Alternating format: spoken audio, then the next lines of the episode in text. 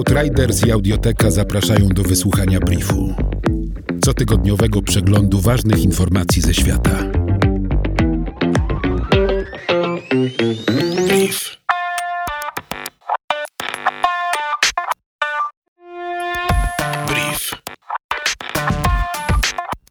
Z najnowszych badań wynika, że jeszcze dwa miliony lat temu przodkowie człowieka wciąż regularnie wspinali się na drzewa. Analiza znalezionych w Republice Południowej Afryki skamieniałości, kości nóg należących do Paranthropus robustus, rodzina hominidae lub do wczesnego Homo sapiens dostarczyła dowodów, że regularnie przyjmował on postawę z wysoko zgiętymi stawami biodrowymi, która wynika ze wspinania się na drzewa. Podczas wykopalisk w systemie jaskiń Drimolen w Republice Południowej Afryki odnaleziono szczątki, czaszkę najstarszego znanego Homo erectus, żyjącego mniej więcej w tym samym czasie co inne wymarłe hominidy. Znaleziono również sklepienie czaszki oraz zęby przedstawiciela Paranthropus robustus. Znaleziska pochodzą sprzed około dwóch milionów lat. Jeżeli zostanie to potwierdzone, byłyby to najstarsze znane szczątki Paranthropus robustus i Homo erectus, starsze o 150-200 tysięcy lat od dotychczasowych.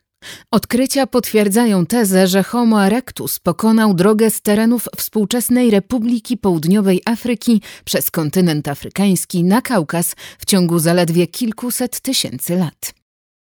Naukowcy rozwiązali tajemnicę dotyczącą wieku czaszki z Broken Hill, znalezionej w 1921 roku w Zambii. Ustalono, że czaszka ma około 299 tysięcy lat i należy prawdopodobnie do Homo heidelbergensis, który zamieszkiwał części Afryki i Europy i prawdopodobnie nie był bezpośrednim przodkiem Homo sapiens. Odkryto szczątki małoletniego przedstawiciela Homo naledi, kopalnego gatunku człowieka. To rzadkie odkrycie, ponieważ z reguły znajduje się szczątki osób dorosłych, których kości są twardsze, mniej porowate i mają większe szanse na przetrwanie setek tysięcy lat. Kości znalezione w komorze Dinaledi w systemie jaskiń Rising Star w Republice Południowej Afryki należą do dużej kolekcji szczątków datowanej na między 335 tysięcy a 226 tysięcy lat temu. W Stanach Zjednoczonych trwa debata, czy prawo do ochrony prywatności jest ważniejsze od prawa dostępu do informacji o koronawirusie. Ludzie chcą wiedzieć, czy wirus został wykryty w ich sąsiedztwie, a naukowcy potrzebują danych o pandemii. Urzędnicy do spraw zdrowia publicznego odmawiają jednak podawania szczegółowych informacji na temat przypadków zachorowań w celu ochrony prywatności pacjentów. Eksperci zwracają uwagę, że tłumienie przez władze w Chinach informacji o COVID-19 pozwoliło mu szybko się rozprzestrzenić, zanim podjęto działania w celu jego powstrzymania. Według niezależnego serwisu Turkmenistan Chronicle władze w Turkmenistanie wprowadziły zakaz używania słowa koronawirus i noszenia masek, a obywatele rozmawiający o pandemii mogą zostać zatrzymani przez policję. W broszurach Ministerstwa Zdrowia informujących o zapobieganiu chorobom wirusowym nie ma już wzmianek o COVID-19. Jednocześnie rząd turkmeński stosuje środki zapobiegawcze w celu powstrzymania rozprzestrzeniania się wirusa. W USA bariery językowe i chaos informacyjny powodują, że do niektórych społeczności nie dotarły jeszcze istotne komunikaty o koronawirusie.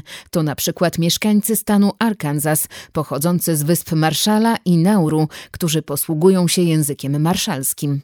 W mieście Des Moines w stanie Iowa, słynnym z przyjmowania uchodźców, mówi się w ponad stu językach. Potrzebne są szybkie działania tłumaczy, aby powiadomić wszystkich członków społeczności.